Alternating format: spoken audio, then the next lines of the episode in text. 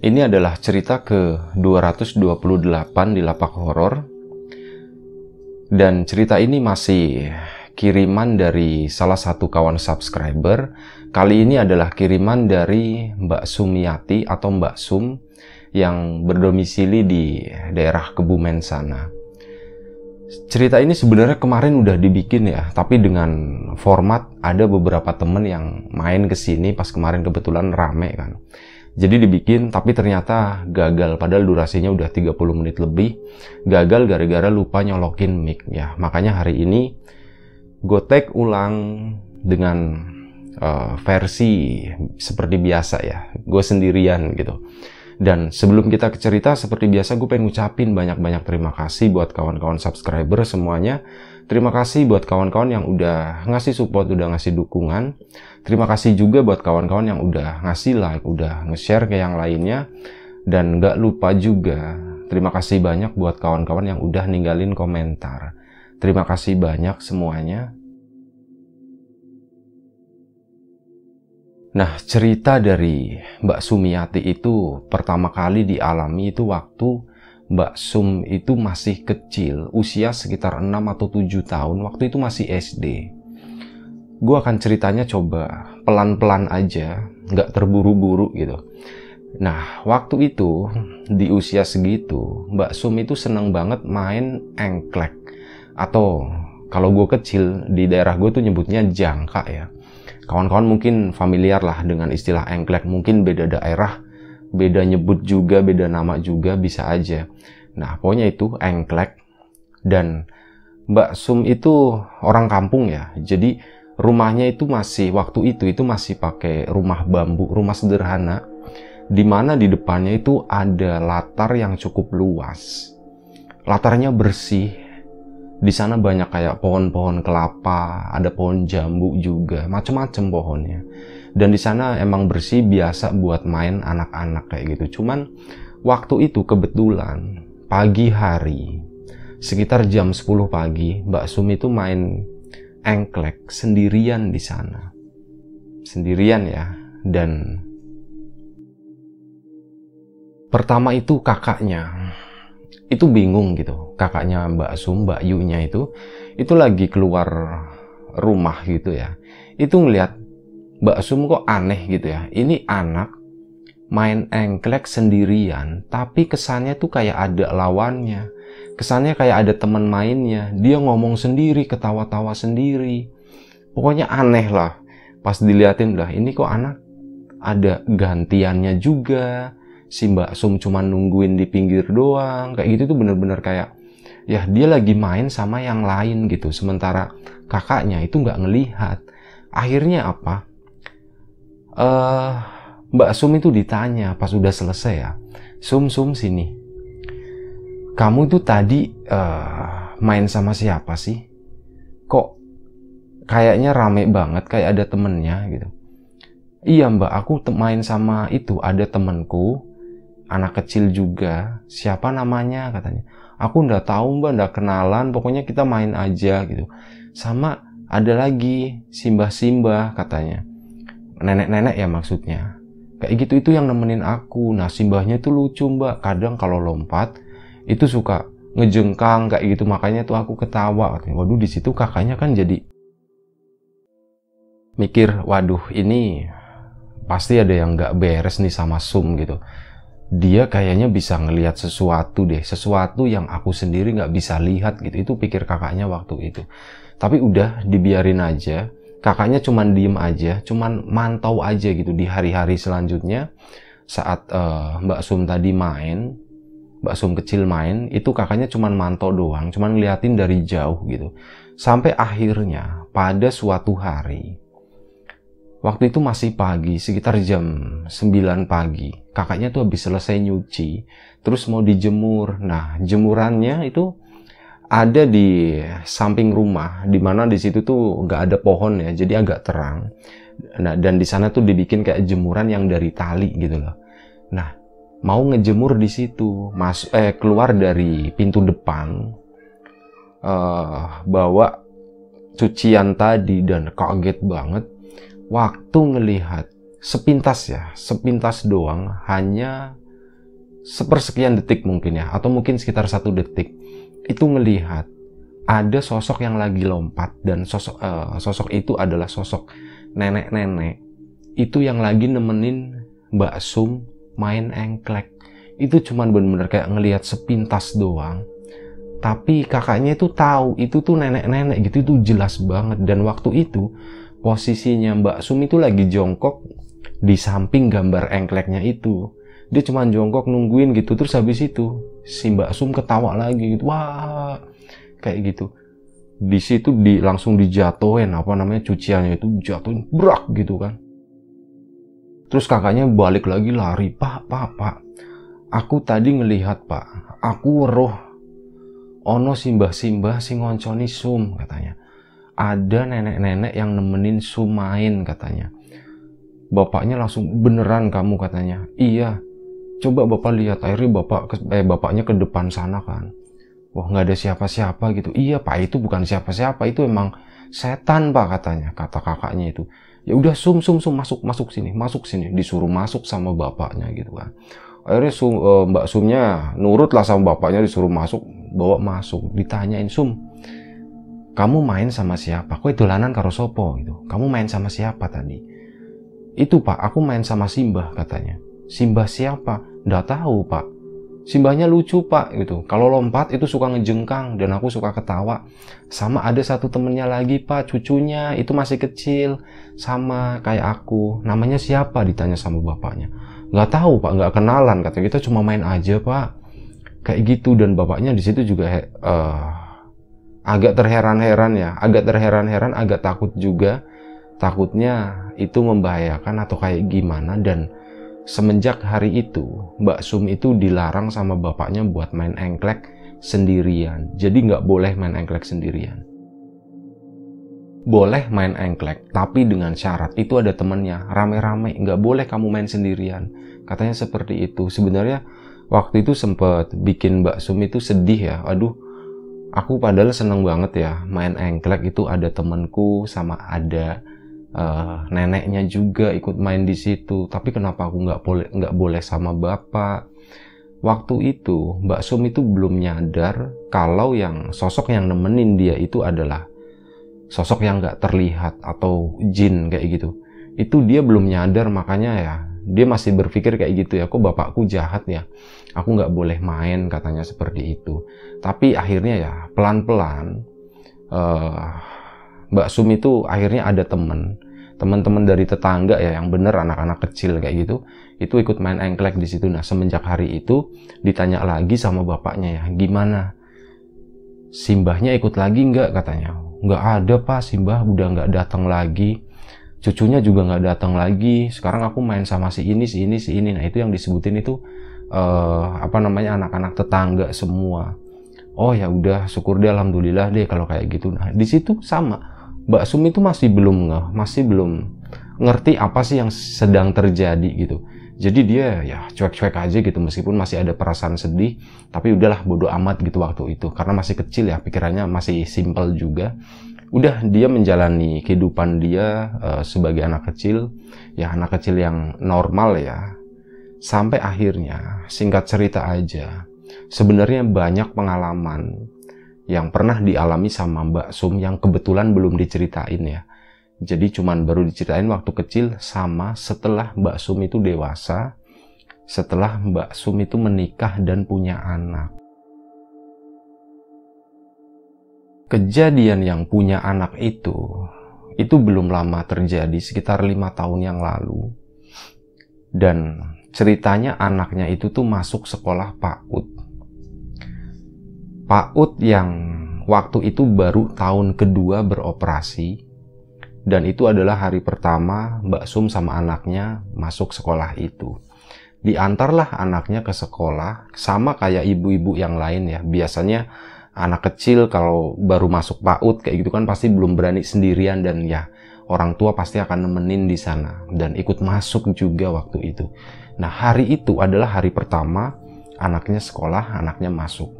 Mbak Sum nganterin dan ikut masuk ke ruangan kelas.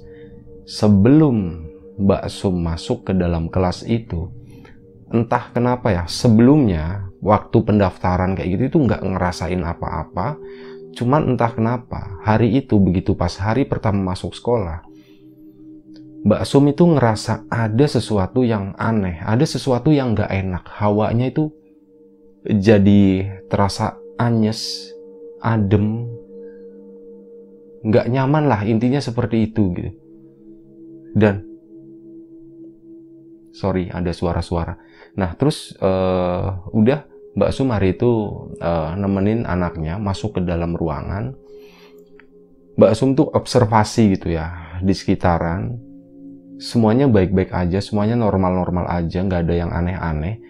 Sampai mata Mbak Sum itu berhenti pada satu titik di sudut ruangan, di mana di situ tuh ada uh, kayak semacam lemari yang dipakai e, buat naruh mainan-mainan kayak gitu tingginya kurang lebih sekitar satu meter. Di sana Mbak Sum itu ngelihat ada sosok anak kecil yang berdi eh berdiri. Ada sosok anak kecil yang duduk di atas lemari itu. Itu adalah bukan hal yang wajar ya. Itu termasuk hal yang gak sopan. Anak kecil kok duduknya di atas itu kan. Sementara teman-temannya itu duduknya di bawah semua sama lah kayak anak sekolah pada umumnya kayak itu cuman satu anak itu doang yang duduk di atas. Otomatis Mbak Sum ngeliatin dong. Si sosok anak kecil tadi dilihatin sama dia. Ini kok anak kayaknya santai banget ya katanya sambil hmm, hmm, hmm, kayak gitu kayak sambil bersenandung bergumam gitu tapi nggak kedengeran suaranya tapi kayak gini sambil goyang-goyangin badan gitu. Akhirnya Mbak Sum terus ngeliatin gitu. Sampai mungkin sekitar satu menit gitu Mbak Sum ngeliatin si anak itu. Tiba-tiba si anak itu tuh ngelirik gitu. Ngelirik gini ke arah Mbak Sum. Mbak Sum kaget gitu kan. Jadi salah tingkah gitu. Dan begitu ngelirik si anak tadi itu nyengir. Dia tuh ketawa cekikikan hihihi kayak gitu. Dan sesuatu yang katanya bikin ngeganggu Mbak Sum itu adalah di bagian mulutnya ya. Jadi mohon maaf mulutnya itu mirip kayak anak kecil yang giginya ini loh giginya busuk yang item-item semua kayak gitu. Mulutnya seperti itu katanya. Dan itu tuh dia ketawa ngikik terus sambil kayak sesekali tuh ngeledekin Mbak Sum kayak gitu ngejulurin lidah kayak gitu ya. Itu ngeledekin terus Mbak Sum jadi ngeliatin terus kan sama uh, Mbak Sum tuh ngomong dalam hati kamu siapa gitu? Jangan ganggu intinya kayak gitu. Nah begitu ngomong kayak gitu nah sebelum ke sana si anak tadi tuh ini dan dananya tuh kayak rambutnya tuh diikat dua. Bukan dikepang tapi diikat dua uh, sama badan sih normal ya nomor ukuran anak-anak PAUD segitu. Sama itu tadi giginya tuh hitam busuk kayak gitu nah begitu Mbak Sum ngomong seperti itu tiba-tiba si anak tadi kan tadinya begini ya duduknya ya sambil goyang-goyang gini kan kakinya juga jalan begini nah setelah tadi tiba-tiba si anak itu tuh mundur ke belakang tangannya tuh nempel tembok di belakang. Terus dia jalan begini loh. Nempel di tembok, dia tuh merayap ke atas tapi badannya tuh masih ngadep ke depan, ngerayap terus ke atas ke atas. Mbak Sum yang lihat kayak gitu pasti shock dong. Wah, ternyata bukan orang katanya. Ternyata setan kata Mbak Sum tuh kayak gitu. Itu ngerayap, ngerayap muter begini sampai giliran mau balik badan, kepalanya mau dibawa. Si sosok tadi tuh kayak balik badan ya, jadi mirip kayak seekor cicak dadanya yang nempel ke tembok jadi yang kelihatan cuma punggungnya nah pas udah posisi kayak gitu dia tuh turun ngelewatin rak tadi sampai ke bawah. Nah begitu ke bawah itu kan karena ketutup sama meja anak-anak ya. Mejanya tuh kayak satu kelompok satu kelompok kayak gitu dan turun di salah satu itu itu udah nggak kelihatan lagi. Tapi Mbak Sum tuh masih terus ngeliatin ke arah sana karena masih penasaran ya. Dan tiba-tiba dia muncul gitu. Set itu di samping anak-anak yang ada di meja itu. Mbak Sum itu dibilang udah lemes-lemes yang lihat hal yang seperti itu ditambah lagi si sosok anak kecil itu tiba-tiba ngejilatin anak-anak kecil yang ada di situ. Dijilatin di sini ya telinganya. Ser ser terus ngeledekin lagi nengokin Mbak Sum terus kayak ngeledek gitu sambil cekikikan hihi kayak gitu. Terus dijilatin lagi satu persatu muter. Dan waktu itu Mbak Sum tuh nggak bisa ngapa-ngapain. Sebenarnya satu pertimbangannya dia tuh nggak mau bikin semua orang yang ada di ruangan itu shock ya. Mbak Sum itu masih sadar karena sebenarnya udah terbiasa ngelihat makhluk-makhluk seperti itu. Tapi yang namanya takut tetap aja takut gitu, tapi masih sadar. Jadi dia masih jaga sikap, dia masih tenang, itu benar-benar ketakutannya tuh dinikmati sendiri. Udah diliatin, terus diliatin, terus sampai akhirnya Mbak Sum udah nggak bisa ngapa-ngapain ya, dia cuma diem aja nggak ngomong apa pun sosok itu turun lagi, terus naik lagi. Naik kali ini nggak ngerayap ya, tapi naik ke arah meja. Meja yang di atas itu. Dan balik duduk lagi begini. Sambil goyang-goyang gini. Dan sesekali matanya tuh ngelirik ke Mbak Sum. Kayak ngelirik kayak gitu terus udah balik lagi ke depan ngeliatin si bu guru yang mengajar waktu itu. Nah, setelah itu, udah hari selesai, sampai siang, sosok tadi itu masih di sana pulanglah anak-anak itu udah selesai hari itu ya. Mbak Sum nggak cerita ke siapa-siapa, dia masih simpan pengalaman itu sendiri. Keesokan harinya, hari kedua anaknya sekolah. Mbak Sum langsung kepikiran tentang sosok tadi. Dan hari kedua, sosok itu tuh masih ada di sana. Cuman bedanya, hari kedua, apa yang dilihat Mbak Sum itu nggak cuman satu, tapi ada beberapa sosok lain. Yang kemarin gak ada, tapi hari itu ada. Ada sosok pocong, itu yang katanya lagi duduk di pojokan ini ya, di apa namanya, bagian depan, di belakang meja guru, di situ ada. Sama ada beberapa sosok yang berdiri ngadep ke tembok, itu ada laki-laki, ada perempuan, yang Mbak Sum itu yakin, itu tuh bukan orang, itu tuh adalah jin gitu seperti itu dan wah ini kok hari ini tambah rame ya tambah rame ya. Akhirnya apa? Pas uh, waktu itu mau pulang Mbak Sum itu coba ngomong ke salah satu guru di situ uh, Bu minta waktunya sebentar ya Bu. Ibu boleh percaya boleh enggak? Sebelumnya saya minta maaf ya mungkin ya bisa jadi ibu nggak percaya tapi di sekolah ini, di ruangan ini, Bu, itu banyak hantunya katanya kayak gitu. Nah, pas ngedenger kayak gitu, si ibu guru itu kayak ya ketawa-tawa kecil kayak gitu. Oh, masa sih, Bu? gitu. Iya, Bu, banyak hantunya gitu, Bu. Oh ya udah nggak apa-apa lah bu, udah biasa bu. Kita udah ini masuk tahun kedua kok dari awal itu nggak ada apa-apa kayak gitu. Sorry, Nah, ya, semuanya nggak ada apa-apa bu, ini udah masuk tahun kedua gitu kan. Nah, ya udah ngedenger gurunya seperti itu. Oh, mungkin ya memang karena udah terbiasa penghuninya seperti itu gitu. Akhirnya udahlah Mbak Sum itu udah ya, uh, yang penting udah disampaikan. Akhirnya Mbak Sum pun pulang. Keesokan harinya, hari ketiga ya berarti. Mbak Sum itu sama, dia masih ngelihat sosok anak kecil itu dan hari itu, hari ketiga, itu ternyata lebih banyak dari yang kemarin. Kalau sebelumnya anak kecil, pocong, sama beberapa sosok yang nempel di tembok, ngadep ke tembok. Nah hari itu, itu ada beberapa anak kecil juga yang ikut di situ gitu. Yang wujudnya aneh-aneh ya, kotor, dekil, bau. Baunya nggak enak, baunya tuh katanya bau pesing kayak gitu. Dan Mbak Sum itu nggak nyaman banget hari itu. Sampai akhirnya ada salah satu anak kecil yang maksudnya yang setan anak kecil ya yang di situ itu lari keluar dan Mbak Sum tuh ngeliatin lari keluar. Disusul sama anak yang duduk di atas itu ya atas rak tadi itu lompat dan ikut lari. Otomatis Mbak Sum penasaran Mbak Sum langsung set bangun dan dia tuh ngikutin ke sana. Lari lari keluar sampai di depan apa namanya di depan kelas itu ibu-ibu tuh pada nanya ah bu kenapa bu? Ada apa bu? Ada apa bu? Gitu Nah si Mbak Sum karena ya nggak mau dibilang gimana gimana ya Mbak Sum cuman nggak apa-apa bu cuman kebelet aja katanya kayak gitu. Tapi toiletnya di sana bu gitu.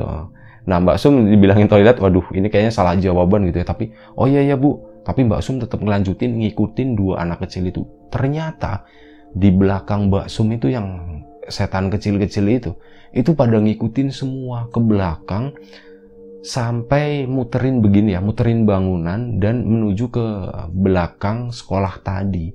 Dan ternyata di sana itu ada sebuah sumur. Sumur tapi bukan sumur tua, sumur yang ya sumur udah ke sini lah, udah pakai semen dan diameternya juga nggak terlalu besar. Cuman memang kondisinya ketahuan dari situ sumur ini tuh udah lama nggak dipakai kayak gitu. Nah, anak-anak itu itu yang di belakang itu sempat pada ngelewatin uh, Mbak Sum ya dan si anak itu tuh pada nyemplung ke dalam sumur itu. Nah, di situ Mbak Sum tahu mungkin rumahnya di sini nih kata Mbak Sum. Akhirnya Mbak Sum buru-buru pulang balik lagi ingat anaknya gitu kan. Wah, anaknya ditinggalin di kelas nanti nangis lagi. Udah Mbak Sum balik lagi masuk kelas. Di situ Mbak Sum itu gimana ya perasaannya udah nggak enak banget ya. Wah ternyata aku banyak banget ya di sini ya. Makin hari makin hari makin banyak. Dan gak lama setelah dia berpikir seperti itu, tiba-tiba itu yang anak kecil anak kecil tadi itu masuk lagi ke dalam kelas. Si setan-setan kecil itu balik lagi ke dalam kelas. Akhirnya Mbak Sum bener-bener udahlah ini udah nggak nyaman, dia udah nggak nyaman. Dek, akhirnya bilang ke anaknya, dek kita pulang aja yuk katanya. Ibu kebelet gitu katanya. Seperti itu alasan ke anaknya ya Oh iya bu, iya bu, waktu itu masih pagi, masih sekitar jam 9, 9 kurang. Harusnya sekolah itu nyampe jam 10 atau jam 11 ya, gue lupa. Nah, udah uh, masih pagi Mbak Sum akhirnya izin ke ibu, uh, ke bu guru yang ada di sana. Bu, mohon maaf bu, saya mau izin, kayaknya saya nggak kuat bu. Di sini tuh banyak banget setannya bu, mungkin ibu bakal ngetawain ya, soalnya biasanya saya kalau ngomong kayak gini juga sering diketawain sama orang tapi ya begitulah bu, banyak banget bu. Gitu. Dan saya nggak kuat, saya mau izin pulang, saya mau bawa pulang anak saya katanya. Oh ya udah bu, nggak apa-apa gitu, silakan, silakan. Uh, sejujurnya kami sih sebenarnya uh, ya kami menghargai pendapat ibu, kami menghargai pemas apa namanya masukan dari ibu, tapi uh, kami itu nggak terlalu percaya dengan itu. Sampai akhirnya ada salah satu guru itu yang nyeletuk, Bu, mungkin yang di sana itu, yang di pojokan sana, itu yang sering bau pesing itu kali ya Bu ya. Bau pesing yang nggak tahu dari mana setiap habis dilap, pasti besoknya pesing lagi, pesing lagi, pesing lagi, kayak gitu. Nah tapi si ibu yang satunya itu yang udah, udah, udah gitu. Cuma digituin doang ya, udah, udah, udah, udah gitu. Nah ya udah akhirnya ya Bu, kalau bisa si ibu, nah Mbak Sum akhirnya ngasih saran ya, Bu kalau bisa mending dipulangin aja bu hari ini gitu. Dipulangin cepet kasihan anak-anak gitu. Itu di dalam kelas di sini tuh rame banget bu. Dan itu tuh bukan bukan orang ya. Itu tuh kayaknya setan-setan kecil bu katanya. Ya udah akhirnya mbak Sum ya udah saya permisi dulu ya bu ya. Oh, akhirnya udah mbak Sum pun pulang. Nah begitu pulang tiba-tiba nggak lama setelah itu ya sekitar setengah jam di rumah jadi masih sekitar jam 9 lewat tiba-tiba Mbak Sum itu nerima uh, ditelepon gitu terus diterima. Iya bu kenapa bu? Itu dari salah satu bu gurunya anaknya ya. Bu kenapa ya bu ya? Ini bu uh, bu Sum di sekolah itu lagi rame bu banyak yang kerasukan. Ibu bisa minta tolong datang ke sini nggak? katanya.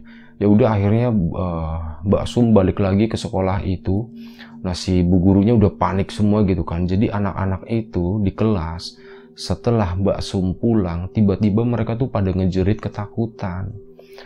Ada yang nyampe, ya kayak orang-orang kerasukan lah, kayak yang kita lihat kerasukan massal di sekolah-sekolah ya. Gue ngebayanginnya sih seperti itu gitu. Crowded banget ya yang pasti. Nah, udah si bu gurunya panik, bu ini kenapa ya, bu ini kenapa ya, bu tolongin dong bu, ibu kan ngerti hal-hal seperti itu. Nah di situ Mbak Sum bingung, waduh, bu, saya kalau buat nolongin saya nggak tahu gitu. Ibu mending cari siapalah kenalan yang bisa ngerti masalah begini. Nah ternyata akhirnya si Pak Kebun, Pak Kebunnya sekolah PAUD itu, itu ternyata udah nelpon salah satu temennya. Dan nggak lama setelah itu temennya itu datang ke situ dan kayak ya boleh dibilang kayak diberesin semuanya, diduduk didoain, kayak dirukyah atau apalah. Intinya nggak lama setelah itu, sekitar udah jam 10 lewat sih waktu itu. Akhirnya anak-anak tuh udah bisa kembali tenang dan waktu itu kata Mbak Sum, iya Bu sekarang udah pada pergi dan akhirnya Mbak Sum pun cerita ke orang tadi ya, Pak, saya kemarin sempat ngikutin kebetulan saya itu adalah orang yang pertama Pak ngelihat Pak, kayaknya mungkin saya yang pertama dan kemarin beberapa uh, beberapa hari lalu, eh sorry bukan beberapa hari lalu ya kemarin ya. Kemarin itu saya sempat ngikutin anak-anak itu si setan-setan kecil itu. Itu lari ke belakang sekolah di mana di sana ada sumur pak. Nah mereka tuh pada nyemplungnya ke situ. Mungkin rumahnya di situ katanya. Oh iya bu terima kasih bu informasinya. Nanti saya coba cek kata si bapak tadi ya. Akhirnya dicek dan ya nggak tahu kelanjutannya seperti apa. Intinya setelah itu udah uh, selesai dan katanya itu si yang di sumur sana itu boleh dibilang kayak udah disegel gitu katanya biar yang ada di sana tuh nggak kelayapan ke mana-mana. Sama di lingkungan sekolah itu itu udah dipagerin juga dipagerin gaib kayak gitulah biar ya sosok yang dari luar tuh nggak masuk ke sana. Dan hari selanjutnya Mbak Sum sama anaknya normal kembali sekolah ke situ masuk dan di sana pagi itu Mbak Sum itu udah nggak ngelihat apa-apa. Anak kecil yang biasa duduk di rak uh, sana yang di pojok sana itu juga nggak ada pagi itu. Dan hari itu anaknya udah mulai terbiasa ya sekolah di situ udah mulai bisa ditinggalin. Dan waktu itu Mbak Sum itu keluar uh, kelas cuman duduk di kelas ngobrol-ngobrol lah sama ibu-ibu yang ada di situ nah waktu lagi ngobrol-ngobrol tiba-tiba Mbak Sum itu ngelihat dari arah sudut kelas itu dari arah sudut bangunan itu. Itu anak kecil yang giginya hitam itu loh. Dia jalan ke situ sambil lenggak-lenggok kayak gini terus ngelirik ke Mbak Sum dan dia tuh melet ngeledek gitu. Wah si ini lagi datang tapi dalam hati Mbak Sum ya ke sini tapi udah dipagerin kalian nggak bisa masuk katanya kayak gitu Mbak Sum cuman bilang kayak gitu. Dan si anak itu tuh cuman cekikikan doang. Terus udah dia pergi ke tengah lapangan ya. Di depan sekolah itu tuh ada sedikit lapangan. Udah dia pergi ke sana dan ngilang di ujung kayak gitu. Dan malam harinya, setelah hari itu, malam harinya, tiba-tiba si Mbak Sum itu kedatangan tamu. Tamu itu adalah salah satu guru di PAUD itu, Pak Kebon, sama ada bapak-bapak yang kemarin sempat nolongin anak-anak yang kesurupan itu.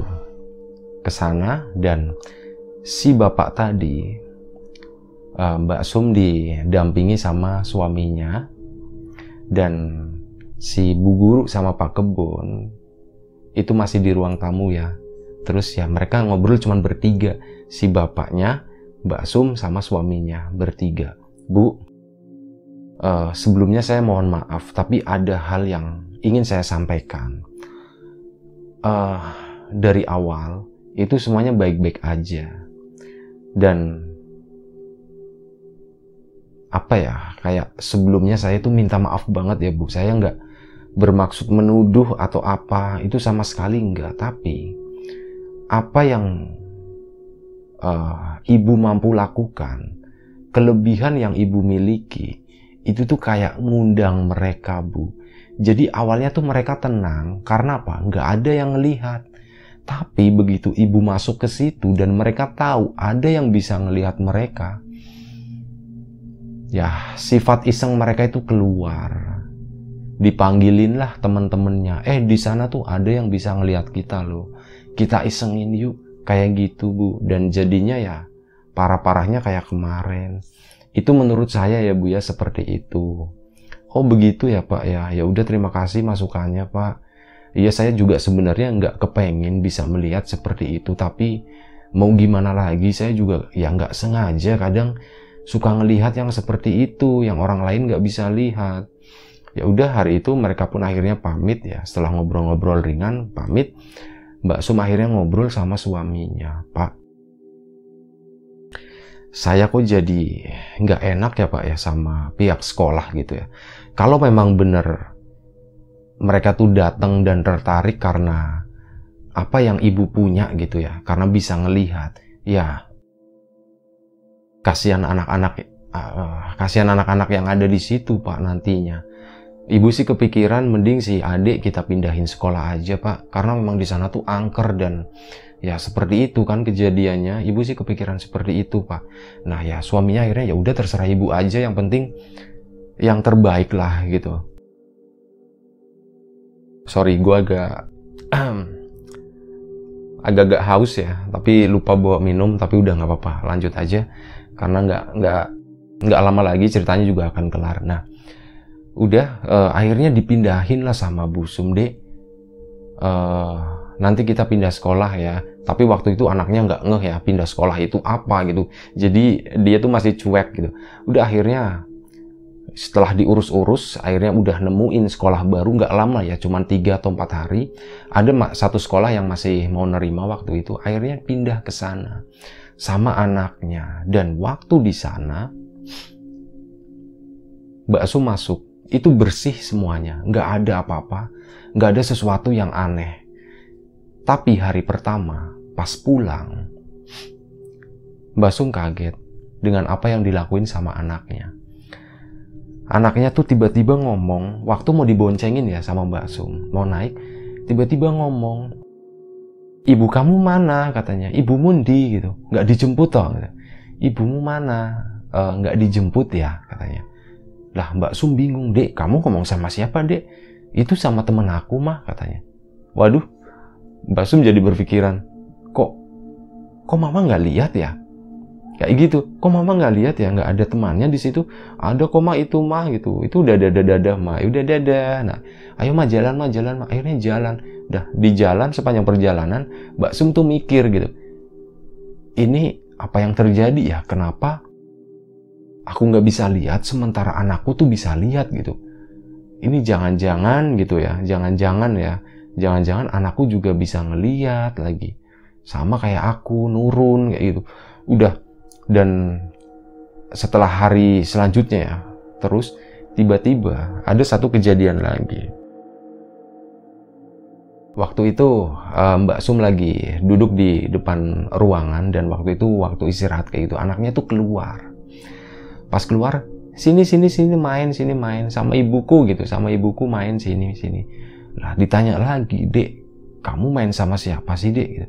Itu sama temen aku mah, yang di sana sih mah. Yang mama juga tahu kan udah kenal mah, udah kenal kan katanya. Loh, yang di mana? Itu mah yang di sekolah yang dulu katanya. Wah di situ mbak sentuh kaget banget. Sekolah yang dulu. Emang mukanya kayak gimana dek gitu. Itu mah yang giginya hitam, yang suka ketawa, katanya kayak gitu. Mbak Sum langsung stres gitu kan. Mana sih dek mana dek kok kok mama nggak bisa lihat gitu? Mana? Kasih tunjuk. Itu mah di depan mama. Dia tuh lagi ketawa-tawa mau kenalan sama mama. Kayak gitu. Dan Mbak Sum tuh nggak bisa ngelihat. Itu hal yang aneh banget. Jadi entah kenapa Mbak Sum tiba-tiba nggak bisa ngelihat itu. Sementara anaknya itu bisa ngelihat. Dan ternyata waktu kejadian di sekolah yang dulu, itu anaknya juga ngelihat. Karena tahu sosok yang giginya hitam itu dari sekolah yang dulu gitu. Kayak gitu ceritanya. Ya kurang lebih seperti itu cerita dari Mbak Sum. Semoga cerita ini menghibur ya lagi-lagi gue ngerasa ada sesuatu yang kurang yang belum gue ceritain tapi gue lupa ya karena menurut gue juga ini cerita lumayan panjang gitu dan ya gue mohon maaf kalau misal ada kekurangan di sana sini dalam ngebawain cerita. Ada sesuatu yang gak menyenangkan saat ngebawain ceritanya juga. Mohon dimaafkan. Kita ambil sesuatu yang positif kita buang jauh-jauh sesuatu yang negatif. Yang jelas uh, dari apa yang gue yakini sesuatu yang dilihat sama Mbak Sum itu yang orang lain nggak bisa lihat itu itu adalah jin. Dan waktu itu kebetulan itu adalah jin-jin iseng yang biasanya cenderung jahat ya suka ngisengin orang kayak gitu nah sekali lagi gue mohon maaf ya kalau misalnya ada sesuatu yang nggak menyenangkan terima kasih banyak Jaga kesehatan kawan-kawan semuanya. Assalamualaikum warahmatullahi wabarakatuh.